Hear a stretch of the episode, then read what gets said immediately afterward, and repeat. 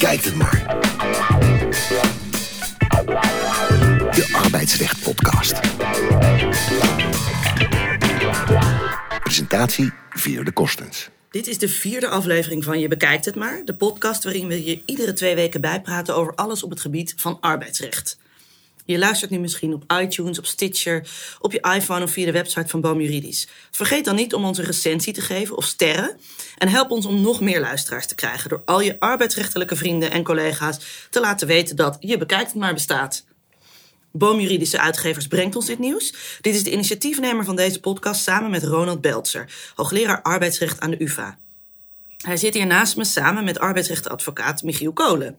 Samen zijn jullie het eens geworden over de bijzondere uitspraak die jullie deze week willen bespreken.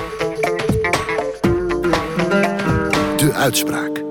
Elke aflevering bespreken we een zaak die stof deed opwaaien, tegen alle trends ingaat, een bijzondere betekenis heeft of op het punt staat net zo beroemd te worden als je bekijkt het maar. Jullie willen het hebben over de Transavia-uitspraak van 12 februari. Ongeveer iedereen heeft daar wel een mening over. Maar wat zijn precies de feiten? Wat is de uitspraak? Wat is er exact gebeurd? Um, nou, wat er is gebeurd is dat de piloot bij Transavia was betrokken bij een zeer ernstig uh, verkeersongeval. Uh, met dodelijke afloop. Hij heeft met zijn vader een straatrace gehouden in de bebouwde kom. Toen dus die vader en die zoon, de piloot, uh, veroordeeld werden door de strafrechter, heeft Transavia gezegd: ja, met zo'n man die dit doet, kunnen, wij, kunnen wij niet werken. En heeft ontbinding van de arbeidsovereenkomst gevraagd bij de kantonrechter. Oké, okay, en wat zei de rechter? Uh, die weigerde de ontbinding. En waarom? Omdat um, de kantonrechter zei: ja, ik, ik heb wel begrip dat dit een hele lastige uh, situatie is voor Transavia. Um, maar dit wordt in principe afgedaan via de strafrechter. En ik ben er toch niet overtuigd genoeg van dat als jij dit hebt gedaan, dat je dan je beroep als piloot niet meer kan uitoefenen. Want Transavia die zegt waarschijnlijk... als jij niet uh, gewoon een auto kan besturen... kun je helemaal geen vliegtuig ja, besturen. Want hij kreeg ook nog een jaar ontzegging van de rijbevoegdheid. Maar als je een vliegbrevet hebt... daar hoef je niet je rijbewijs voor te hebben. Dus die piloot zei ja... het is misschien wel erg... maar ik kan gewoon vliegen en ik kan mijn werk doen. En dat ik veroordeeld ben door de strafrechter... dat doet daar niet aan af. En die rechter was het daar uiteindelijk mee eens... En die zei, ja, Transavia, uh, je kan hem niet alleen niet ontslaan... maar hij moet ook op last van een dwangsom moet hij weer aan het werk. Nou, van, daar vinden heel veel mensen wat van. Op zich is de, is de uitspraak van de rechter vrij duidelijk. Ja. Wat kan daar nog over, zoveel over gedebatteerd worden dan? Nou, wat ik merk om mij heen is dat toch veel mensen, waaronder juristen, eh, toch vinden dat dit zo knelt. Hè? Dat iemand die betrokken is bij zo'n ernstig ongeval, die 100 kilometer te hard rijdt in, waar je 50 mag, uh, gaat een meisje dood er was ook nog alcohol in het spel. Die piloot wist dat zijn vader uh, te veel. Nee, niet te veel. Hij wist dat hij gedronken had. Mm -hmm. Maar hij zei: Ik wist niet dat hij te veel gedronken had. Best veel mensen zeggen: Ja, het kan toch niet zo zijn dat iemand die dat doet. dat hij verantwoordelijkheid heeft in de lucht over een kist met, uh, met 400 man. En Transavia vond dat ook. En die zeiden: Wij kunnen het niet verkopen aan onze passagiers. dat er in de cockpit iemand zit die in zijn vrije tijd uh, straatraces doet. Ja, nou, dus het is principieel. Ik, ik, ik vind daar zelf ook wel, ik vind dat ook wel knellen. Maar die rechter, die ja, op zich natuurlijk ook de taak van de rechter, laten we wel zijn. Uh, ja, die gaat stap voor stap die argumenten af. Hè, uh, Transavia zegt uh, verwijtbaar gedrag. Nou, da daarvan zegt de rechter dat, dat zie ik niet. Het is, hè, op de keper beschouwd is het een eenmalige overtreding. Hè? Het is geen misdrijf. en dat mag het wel, zoals de strafrechter zei, extreem gevaarzettend zijn. Maar dat kan je niet één op één vertalen naar de uh, situatie in de lucht. Dus dat ernstige verwijtbare, dat gaat niet door. Dus dat was de E-grond. Ja. En um, een verstoorde arbeidsrelatie of de, de H-grond, de, de, de restcategorie... dat feest ging ook niet door. Want Transavia riep wel, ja, we kunnen dit niet verkopen aan collega's. Collega's willen niet meer met hem vliegen. Passagiers, uh, commercieel kan dit niet. Maar ja, als je dan niet met stukken of met een onderbouwing komt, dat is natuurlijk heel lastig. Ja, dan zegt die rechter, ja, dat kun je wel zeggen. En ergens vind ik het ook wel een beetje logisch.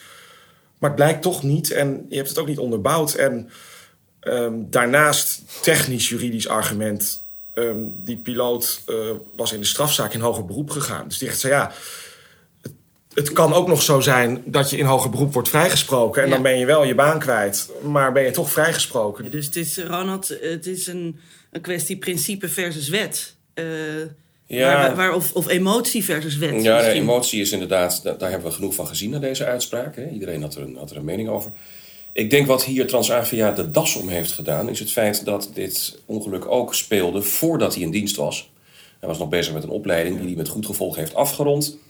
Eh, in de eh, anderhalf jaar daarna eh, heeft hij gewoon gewerkt zonder probleem. Hij heeft ook allerlei testen moeten doen bij Transavia, waaruit bleek dat hij eh, niet eh, risico, hoe noemen ze het, liefhebbend was of zoiets. Of, eh, ja, tegenovergestelde van risicomijdend. Een Ja. woord dat ik nog nooit had gezien, maar het staat in de uitspraak. Iedere, En iedere podcast leren wij een nieuw woord. hier. Zo is het, ja. Nee, maar ze zijn ook gewoon te laat. Want tijdens dat ongeluk, of vlak daarna moet ik zeggen natuurlijk... heeft de werkgever ook nog eh, het verhoor opgevraagd bij de politie. Nou, daar hadden ze al, al kunnen twijfelen over... eh, ja, heeft hij nou echt niet te hard gereden?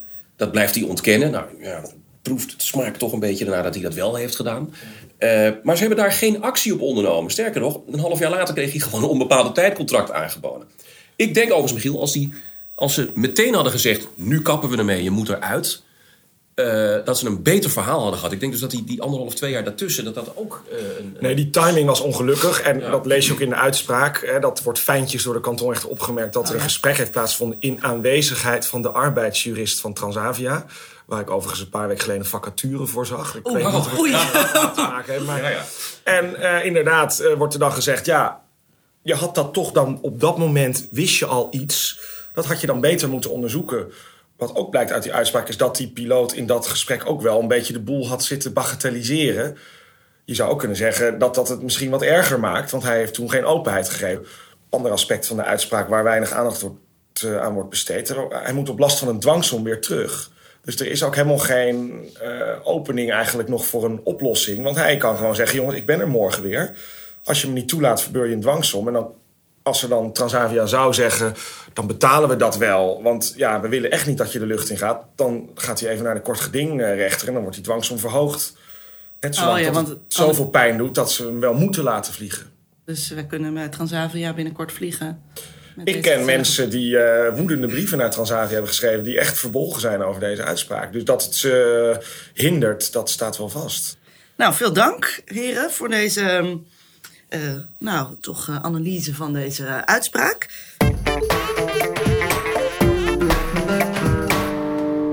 Dan komen we terecht bij Michiel Kolen, advocaat bij HDK. Een boutiquekantoor, puur gericht op arbeidsrecht. En arbeidsrecht gaat vaak over geschillen tussen werknemers en werkgevers. Jij wilt vandaag hebben over de bestuurders. Dus we gaan het hebben over de directeuren, de topmannen, topvrouwen. Die hebben een andere rechtspositie dan werknemers. Jij ziet daar iets van verandering in komen. En laten we daarom hebben over de kijkshop-uitspraak van vorige week. Wat is er gebeurd daar met de bestuurder? Nou, die kijkshop-uitspraak, iedereen kent die winkels geloof ik wel. Het gaat niet zo goed met die kijkshop. En deze bestuurder was in 2016 ingehuurd door de aandeelhouders om te zorgen voor de turnaround. Hij moest zorgen dat die kijkshop weer eh, veel beter ging lopen. Uit de uitspraak blijkt, eh, wat ook wel vaker gebeurt, dat het geduld van de aandeelhouders zeer beperkt is. en dat al vrij snel dat recovery plan hè, wat hij gemaakt heeft, dat dat toch niet eh, naar voldoende tevredenheid van de aandeelhouders is. Nou, hoe lang was dit ongeveer? Nou, dat was echt al binnen een jaar, geloof ik. En in het begin wordt er dan toch nog wel een soort steun uitgesproken. En dan is er een vergadering ergens in februari 2017. Dan zegt die aandeelhouder tegen het team van deze bestuurder... ehm, degene die er vertrouwen in heeft dat wij weer winstgevend gaan worden... op basis van deze plannen... Iedereen gaat nu de kamer uit en degene die er vertrouwen in heeft, die komt terug. En degene die geen vertrouwen in heeft, die komt dus niet terug. En deze bestuurder kwam toen niet terug, dus die verliet die vergadering. Nou, dat was natuurlijk een beetje een merkwaardige eh, setting. Dat was zijn presentatie, hè? Dus hij dacht zelf ook niet dat dat Ja, eh, goed ging ja. komen. Maar daarna wordt dat recoveryplan na die vergadering dan toch vastgesteld. En vlak daarna eh, krijgt hij een uitnodiging eh, in de bus eh, voor een aandeelhoudersvergadering. Waar één agendapunt is, zoals dat vaak gaat. En dat is het voorgenomen ontslag van zijn positie als bestuurder van de vennootschap. Die vergadering wordt gehouden eh, en er wordt eh, al dus besloten dat hij eh, weg moet. En in het arbeidsrecht is het dan zo dat als bestuurderschap van de vennootschap, als dat eindigt, omdat de wet ook zegt dat je te alle tijden kan worden ontslagen door degene die jou benoemt. Dat is bijna altijd de AVA, kan soms de RVC zijn. Dan eindigt ook je arbeidsovereenkomst. En dat gebeurde dus ook hier. Maar die bestuurder dacht, ja, dat is wel erg makkelijk zo. Dus die is een procedure bij de rechtbank Amsterdam begonnen. En die zegt, ja, de- zo gaat dat allemaal niet. Ik mag dan wel eh, bestuurder zijn zonder preventieve rechtsbescherming. Maar op deze manier kun je niet met mij eh, omgaan, sollen, hoe je het wil. En dat vond de rechtbank eigenlijk ook. En die heeft deze meneer, eh, ik geloof, 15 maand salarissen meegegeven. Daar waar, eh, als je het even spiegelt aan een gewone werknemer, als die in deze zaak ontbonden zou worden, zoals wij dat dan noemen, Ja. eh, dan had hij geen transitievergoeding gekregen, omdat hij nog geen twee jaar in dienst was. En had hij het hobbeltje van ernstig verwijtbaar handelen moeten halen om ook centjes mee te krijgen. En bij bestuurders is dat toch net anders. En wat ik wel, eh, ik ben ook benieuwd wat Ronald daarvan vindt, maar wat ik wel een beetje als trend zie in de WWZ is dat rechters echt behoorlijk streng ook bij bestuurders toetsen van is er voldaan aan die redelijke grond, hè, die arbeidsrechtelijke redelijke grond. Waar je vroeger eigenlijk veel meer zag dat rechters zeiden: ja, eh, hoge bomen vangen veel wind, je bent bestuurder. Ja, als het eindigt, dan eindigt het. En Ja. dan ga ik over die arbeidsrelatie, die, die stopt gewoon. Gewoon eh, wel de lusten en de lasten. Die, die stopt hier ook wel, maar eh, ja, er wordt aardig met vergoedingen eh, gesmeed, is wat sterk. Maar eh, je, je komt snel in aanmerking voor een vergoeding bovenop de transitievergoeding. Want bestuurders vraag- hebben ook recht op een eh, transitievergoeding. Ja, en de vraag is of dat terecht is, omdat een bestuurder überhaupt al eh, vaak een stuk meer verdient. Precies. Dus dat zit daar al een beetje in verdisconteerd, Ja. dat je ook zomaar de deur Ja. uitgezet kan worden. Ja, je, je zou kunnen zeggen, nou ja, die billijke vergoeding aan de achterkant, bovenop de transitievergoeding, is dat nou echt wel nodig? Omdat wat je zegt, die rechteloosheid, hè, dat je geen preventieve bescherming hebt, die wordt eigenlijk al eh, beloond in natuurlijk een veel steviger pakket arbeidsvoorwaarden dan een gewone werknemer. Dus ja, die bestuurder, eh, daar hoef je minder medelijden mee te hebben dan voor de WWZ, is mijn, eh, is mijn opvatting. Oké. Dus die, is, en is die wet daardoor ook een beetje te knellend naar jouw smaak? Ja, om daar maar gewoon met een ja, ja vind ik van wel. Ja. Ik vind die, die arbeidsrechtelijke component vind ik wel erg sterk. Zie je nu ook in een andere uitspraak in Groningen, waar een bestuurder dan ziek is. En daar komt de vennootschap dus niet van de bestuurder af. Hè. Dus die blijft in dienst. En dan zegt de kantonrechter in Groningen: ja, bestuurder ben je niet meer, want hè, dat staat vast. Bestuurderschap eindigt omdat de AVA jou heeft ontslagen. Maar omdat je ziek bent, is er een opzegverbod. En die rechter zegt ook: ik, ik zie ook wel dat de reden voor jouw ontslag houdt eigenlijk helemaal geen verband met ziekte. Want als dat zo is, dan mag je niet ontbinden. Maar die rechter zegt: er is geen verband, maar toch vind ik dat je in dienst moet blijven. En zegt die rechter zelfs ook nog: ja, je moet er maar reïntegreren. Maar dan denk ik: Waar dan? de kapitein van het schip, Ja. moet die opeens matroos worden? Dat, Ja. dat, ik zie dat helemaal niet voor me. Dus volgens Dus mij moet je het- dat repareren met geld. En niet met eh, in dienst blijven, want dat lost volgens mij, eh, dat zie ik praktisch gezien. In die zaak van Groningen was er ook nog een Amerikaanse aandeelhouder. Ja, die, daar kan je dat niet als advocaat in ieder geval niet aan uitleggen. Omdat het daar zo anders is dat bestuurders kunnen Volstrekt onbegrijpelijk, ja. ja. Ja, en eh, dus jij zegt van nou, het is principieel vind ik het gek en het is ook praktisch eigenlijk gewoon best wel onuitvoerbaar. Ja, nou gek. Ja, het, het is een keuze van de wetgever. En die, die eh, zeggen, ja, voor de WWZ was er bescherming. En dat moeten we nu ook doen. Alleen ik, voor de WWZ was er wel bescherming. Maar die uitte zich in een vergoeding.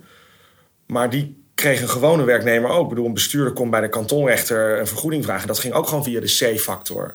En nu is het toch strenger geworden. Doordat eh, eh, eh, je krijgt al die billijke vergoeding als er geen redelijke grond is. En Dat schakelen voor heel veel aandeelhouders. eh, ja, Die zijn dat niet gewend. die zeggen wat, wat gebeurt dat hier? ze nu die grond moeten hebben. Dan Ja. staat er wel in de wetsgeschiedenis dat, dat er een H-grond is, hè, de overige gronden. En er wordt als eeuwig voorbeeld, ik weet niet waarom, de voetbaltrainer genoemd, die, eh, wiens prestaties tegenvallen. Maar er wordt ook gezegd, dan kun je denken inderdaad aan een bestuurder die niet de doelen haalt. Eh, Doelpunten. ja, doelen, doelpunten. Nou, het is misschien helemaal niet zo'n gekke vergelijking, inderdaad. Eh, maar het, het bezwaar is, is daarvan dat aandeelhouders... en je noemt nu toevallig twee aandeelhouders die uit het buitenland komen. De ene is een Zweedse zaak. We hebben eerder een Deense zaak ook nog gehad. Een paar maanden geleden. maar Ook met een hoge eh, billijke vergoeding. En dus een Amerikaan. Ja. die snappen dat systeem niet. Van hoezo ik moet een redelijke grond hebben... eh, die opgenoemd staan in de wet. Dat is nieuw. Dus daar moeten, we, daar moeten we aan wennen. Dus ik volg je in die zin wel dat het strenger wordt. Omdat aandeelhouders in het algemeen zich rekenschap moeten geven van dat ze een normaal dossier hebben. Dat ze gewoon ook een dossier moeten opbouwen, net als bij een Ja, werknemer. waarschijnlijk wel iets minder. Ja. Maar als we even naar de kijkshopzaak kijken in het bijzonder... ja, die man is ook wel hufterig behandeld. Hoor. Ja, zonder meer. En een rechter maakt denk ik ook gewoon duidelijk dat, hè, dat we in Nederland zo niet met elkaar omgaan. Of je nou bestuurder bent of niet, dan krijg je gewoon een tik. Ik, wat mij nog wel opviel, is dat die rechter echt wel heel precies, en ik weet dat dat in de praktijk niet gebeurt, zegt ja, in de oproepingsbrief voor de AVA heb jij niet gezegd waarom je eh, eh, de bestuurder wil ontslaan. Eh, tip van het huis, doe dat dus. En in het, eh, in het ontslagbesluit zelf werd dat ook heel sumier eh, werd dat geformuleerd. Die bestuurder stapte naar de rechter en toen ging die kijkshop zich verweren met een hele lange lijst waarom het toch een redelijke grond was. En die rechter die zei: Oké, alles wat in het verweerschrift staat, wat ik niet in het ontslagbesluit terugvind, dat tik ik gewoon weg. Daar kijk ik niet eens naar. Dus jij zal altijd nu aanraden, Ja, zet in ja, die uitnodiging want- en in ja, ja, duidelijk ja, wat je... Want ik weet van vennootschapsjuristen, de, de ondernemingsrechtmensen, die zeggen nee, dat hoeft helemaal niet. Maar die bekijken het alleen met de boek 2-bril. En boek 2 technisch hoeft het misschien ook niet. Maar arbeidsrechtelijk doe je er dus wel verstandig aan om toe te lichten. Nou, en dan Michiel, krijg jij een vaste vraag. Dat hebben wij iedere aflevering eh, bij iedere gast. De vaste vraag. En voor- aan jou wil ik vragen, wat is een moment afgelopen jaar of afgelopen maanden waarvan jij dacht, dit is arbeidsrecht zoals arbeidsrecht bedoeld is? Wat ik interessant vind, ehm, is dat je nu... eh, hè, die WWZ bestaat nu een paar jaar. En waar we in het begin eh, voor bepaalde dingen best wel dachten... ja, hoe, is dat nou wel, eh, werkt dat nou wel zo? Is dat niet te knellend? Of dat kan toch eigenlijk helemaal niet hoe die wetgever dat wil? Dat je in een aantal hoge raaduitspraken... een nieuw hairstyle is een eh, beroemde, eh, maar ook decor... dat je, althans naar mijn mening, ziet dat die hoge raad... de scherpe randjes een beetje van die WWZ afhaalt... en het wat werkbaarder maakt, ook eh, in de praktijk... En dan zie je dus arbeidsrecht zoals arbeidsrecht bedoeld is, of recht zoals recht bedoeld is. Dat de wet is geschreven en, en in de praktijk wordt ook de praktijk gemaakt. De scherpe randjes of de wat minder goed werkbare randjes worden er dan toch eh, door het hoogste rechtscollege eh, afgehaald. Ja. Mooi. En dan gaan we nu heel even naar uitgeverij Boom, de bedenker van deze podcast. Wat moeten we lezen, bekijken of luisteren van uitgeverij Boom? Dat gaan we even vragen aan Weert. Weert Soetenhorst, directeur Boomjuridische Uitgeverij. Weert, wat kun je ons aanbevelen? Eh, we komen met een eh, eerste deeltje, een nieuw deeltje in de eh, reeks korte introducties. Dat gaat over de wet normalisering rechtspositie overheidspersoneel. En dat is een heel handig boekje waar je in 100 bladzijden heel snel leest waar die wet over gaat. En heeft een enorme impact omdat er een transitie is van de status van ambtenaar naar gewoon normale werknemer. Dat is echt, het gaat om een miljoen eh, werknemers. Dus dat is niet niks. En het is van de hand van twee eh, eh, auteurs die werkzaam zijn bij de Klerk Advocaten in Leiden. En voor wie is dit handig om te lezen? Nou, ik denk sowieso voor advocaten die zich even snel willen inlezen in, de, in dit, de problematiek en willen kijken wat ze er zelf mee kunnen. Maar natuurlijk ook voor HR-mensen die bij overheidsinstellingen werken. En waar vinden we deze? Die vinden we op de website van Boom Juridius en dat is www.beu.nl. Oké, perfect. En dan komen we bij Ronald, onze vaste gast, hoogleraar arbeid en onderneming. Vorige keer zei je dat we een hele podcast konden wijden aan ontslag. Dat gaan we niet doen, of hebben we niet gedaan tot nu toe. Maar je neemt wel een voorschotje door een uitspraak van de Hoge Raad te bespreken over een ontslag op staande voet. Vertel. Ja, dit is er eentje die eh, studenten de komende decennia, denk ik, voor de kiezer zullen krijgen. In ieder geval aan deze universiteit. Ah, kijk, kunnen ze Eh, gewoon deze podcast luisteren? Ja, bijvoorbeeld. Ja, Michiel had het net over scherpe randen. Ik denk als je er eentje moeilijk kunt uitleggen eh, in een paar zinnen, maar ik ga toch mijn best doen, dan is het deze uitspraak van de Hoge Raad van 30 maart, waarin de Hoge Raad oordeelt dat een ontslag op staande voet niet betekent dat je geen ontslagvergoeding krijgt. Iedereen krijgt een vergoeding tenzij die ernstig verwijtbaar heeft gehandeld. En dat ernstig verwijtbaar handelen, dat is eigenlijk een hele nieuwe eigen categorie. Nou, dat zien we ook in deze zaak. Eh, deze meneer die eh, eh, ja, werkt ergens, het maakt niet eens zoveel uit, de casus precies. Maar er is daar een, een, een alcohol- en drugsbeleid. En hij komt op het werk in strijd met dat beleid, ruikend naar alcohol. Dat gebeurt een paar keer en op enig moment wordt hij op staande voet ontslagen. Heeft hij Voordat- waarschuwingen gehad? hij heeft waarschuwingen gehad, inderdaad. Maar dat heeft onvoldoende geholpen. Nou, hij vordert dan ehm, een transitievergoeding en een billijke vergoeding. Nou, die transitievergoeding die krijg je niet als je ernstig verwijtbaar hebt gehandeld. En een billijke vergoeding kun je alleen krijgen als je vindt dat de werkgever ernstig verwijtbaar heeft gehandeld.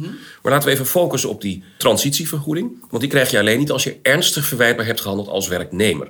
Nou, dan zou je zeggen iemand die op staande voet wordt ontslagen. Hoe is die niet ernstig verwijtbaar? Nou, bij bijna alle voorbeelden die wij hier met z'n drieën kunnen verzinnen... Ja. of als we het op iemand op, op, op straat vragen... Ja, dan krijg je gewoon voorbeelden van... iemand heeft een greep met de kast gedaan... een collega neergeslagen, seksueel geïntimideerd... en dat is bijna allemaal wel ernstig verwijtbaar. Nou zijn er wel een paar eh, situaties waarin dat niet zo hoeft te zijn.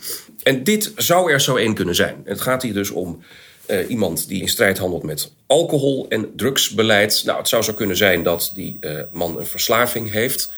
En dan heb je dus aan de ene kant potentieel een dringende reden, namelijk van de werkgever kan echt niet verwacht worden dat hij nog een dag die kerel zijn werk laat doen. Hè? Bijvoorbeeld hij moet met machines werken, dus gevaarzetting. Maar het kan hem ook weer niet zo zwaar worden aangerekend. Maar het is niet ernstig verschil? verwijtbaar. Ja, nou ja, ik denk dat het een relatief kleine groep is. Het is wel nuttig om deze nuance net te hebben gemaakt. De Hoge Raad zegt ook, ja, de wetsgeschiedenis blijkt gewoon... ernstig verwijt behandelen of nalaten is iets anders dan dringende reden. Dus die twee, eh, eh, ja, die lopen niet hand in hand. Ja, vaak wel, maar het hoeft niet zo te zijn. Ik ken een voorbeeld van een man die werkt bij UPC. En daar heb je altijd heel streng beleid ten aanzien van kapotte pakketten. Die man die eh, ziet een kapotte container met pennen. Daar, zijn, daar vallen er drie uit. Die drie pakt hij op en die steekt hij in zijn borstzak. In strijd met het beleid. En hij legt ze ook niet terug. Nou, de vraag is, is hij dat gewoon vergeten? Is het ernstig genoeg? Nou, de rechter vindt uiteindelijk dat eh, dat beleid eh, gewoon gestand moet worden gedaan. En dat deze man terecht op staande voet is ontslagen. Maar uiteindelijk wordt ook besloten dat hij een halve transitievergoeding krijgt. Dus daar zie je ook, het is niet ernstig verwijtbaar genoeg om die hele transitievergoeding te ontzeggen. Maar dat was wel een dringende reden. Eh, Omdat hij een slecht voorbeeld is voor, voor de rest. Maar het is niet ernstig genoeg, want die pennen, ja, god, het zijn maar pennen. Nou ja, het zijn verschillende dingen. De dringende reden is: kun je van de werkgever verwachten dat hij iemand nog in dienst houdt? Of moet hij gewoon echt onmiddellijk weg? Dan denken we heel vaak aan vechtpartijen, eh, stelen, eh, dus in, in de misdrijvensfeer. Ja. In de overtredingensfeer. altijd ernstig En dan is het al ernstig verwijtbaar. Maar je hebt dus ook mensen die nou, onder invloed zijn. Iemand eh, gooide een keer bij de bedrijfsarts een stoel naar de bedrijfsarts. Die was dus eh, agressief. En daar, daarvan zei de Hoge Raad: ja, weet je, dat eh, is wel een dringende reden eh, voor die meneer. Maar je kan je dus voorstellen dat in zo'n situatie die man wel een transitievergoeding meekrijgt. Dit was oud recht, maar je vraagt om een situatie. Nou, Ja. ik, ik noem er nog één. Ja. Eh, ik heb er nu drie genoemd. En ja, dat zijn er wel, denk ik wel de bijzondere eh, gevallen. Maar ik denk dat deze man nog best wel eens kans heeft. Want aan de ene kant staat in de wet letterlijk... liederlijk gedrag kan een dringende reden zijn voor ontslag op staande voet. Hij had alcohol. Ja, ja. Aan de andere kant wordt, eh, eh, kijk maar ook naar die, die hooghoutzaak eh, van einde van vorig jaar, wordt alcohol, alcoholisme of alcoholgebruik al heel snel gezien als ziekte. Dus de vraag is, liederlijk gedrag aan de ene kant, ja, dringende reden. Aan de andere kant, is het ernstig verwijtbaar? Nou, misschien niet, want hij kan er niet zoveel aan doen, want de man is ziek.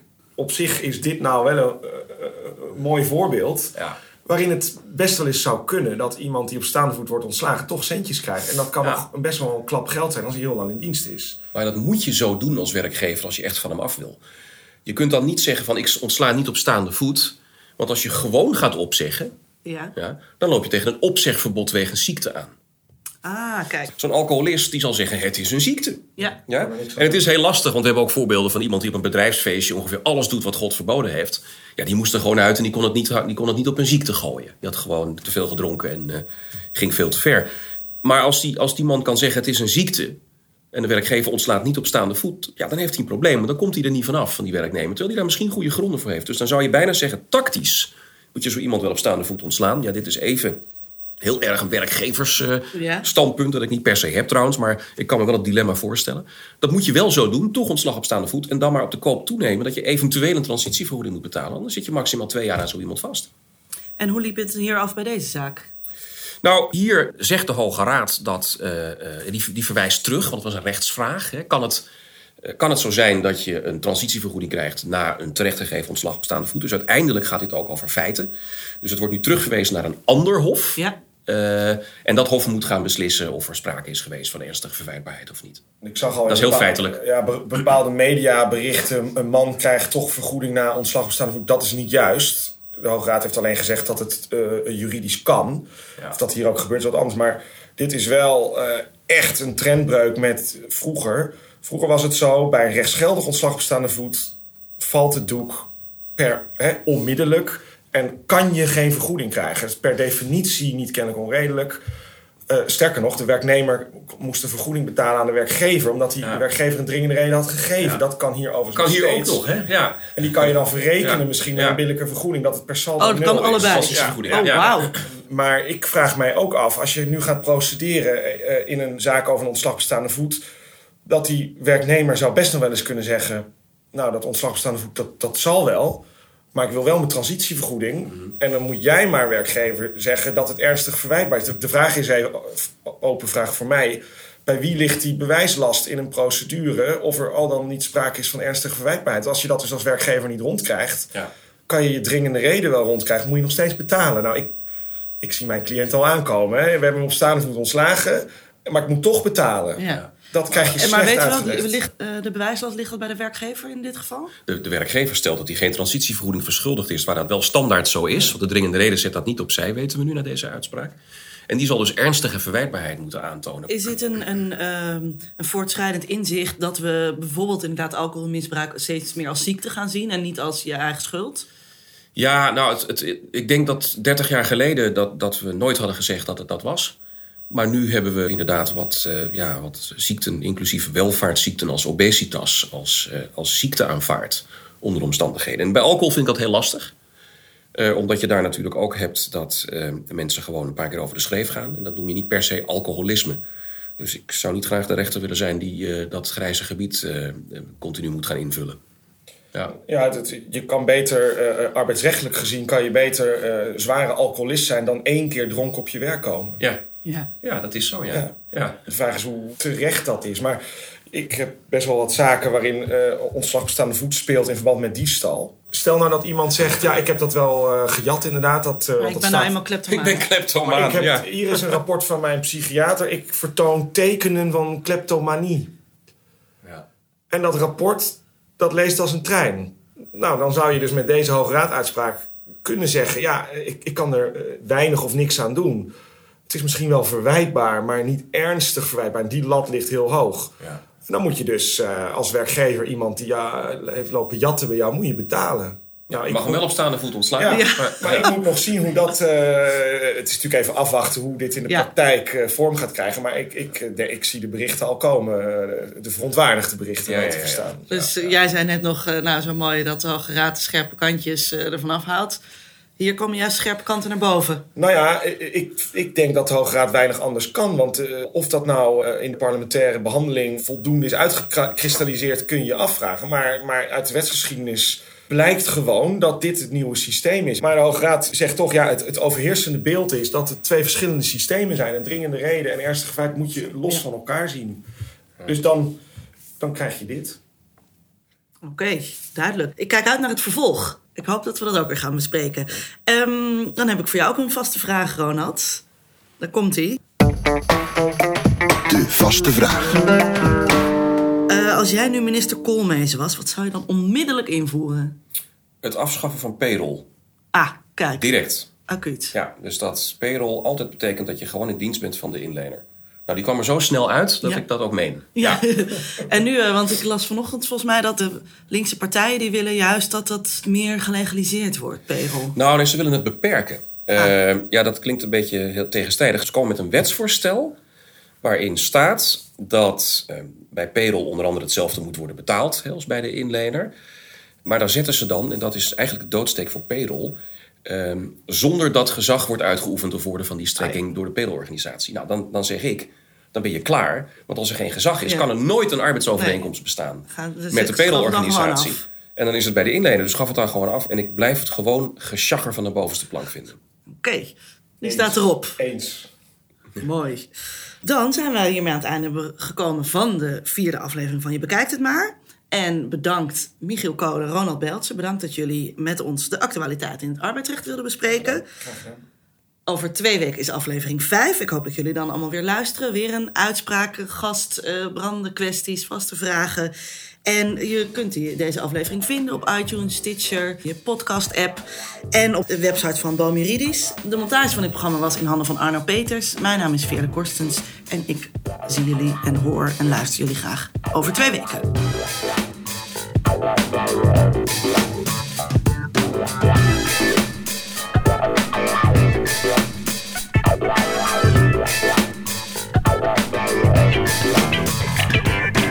Je bekijkt het maar.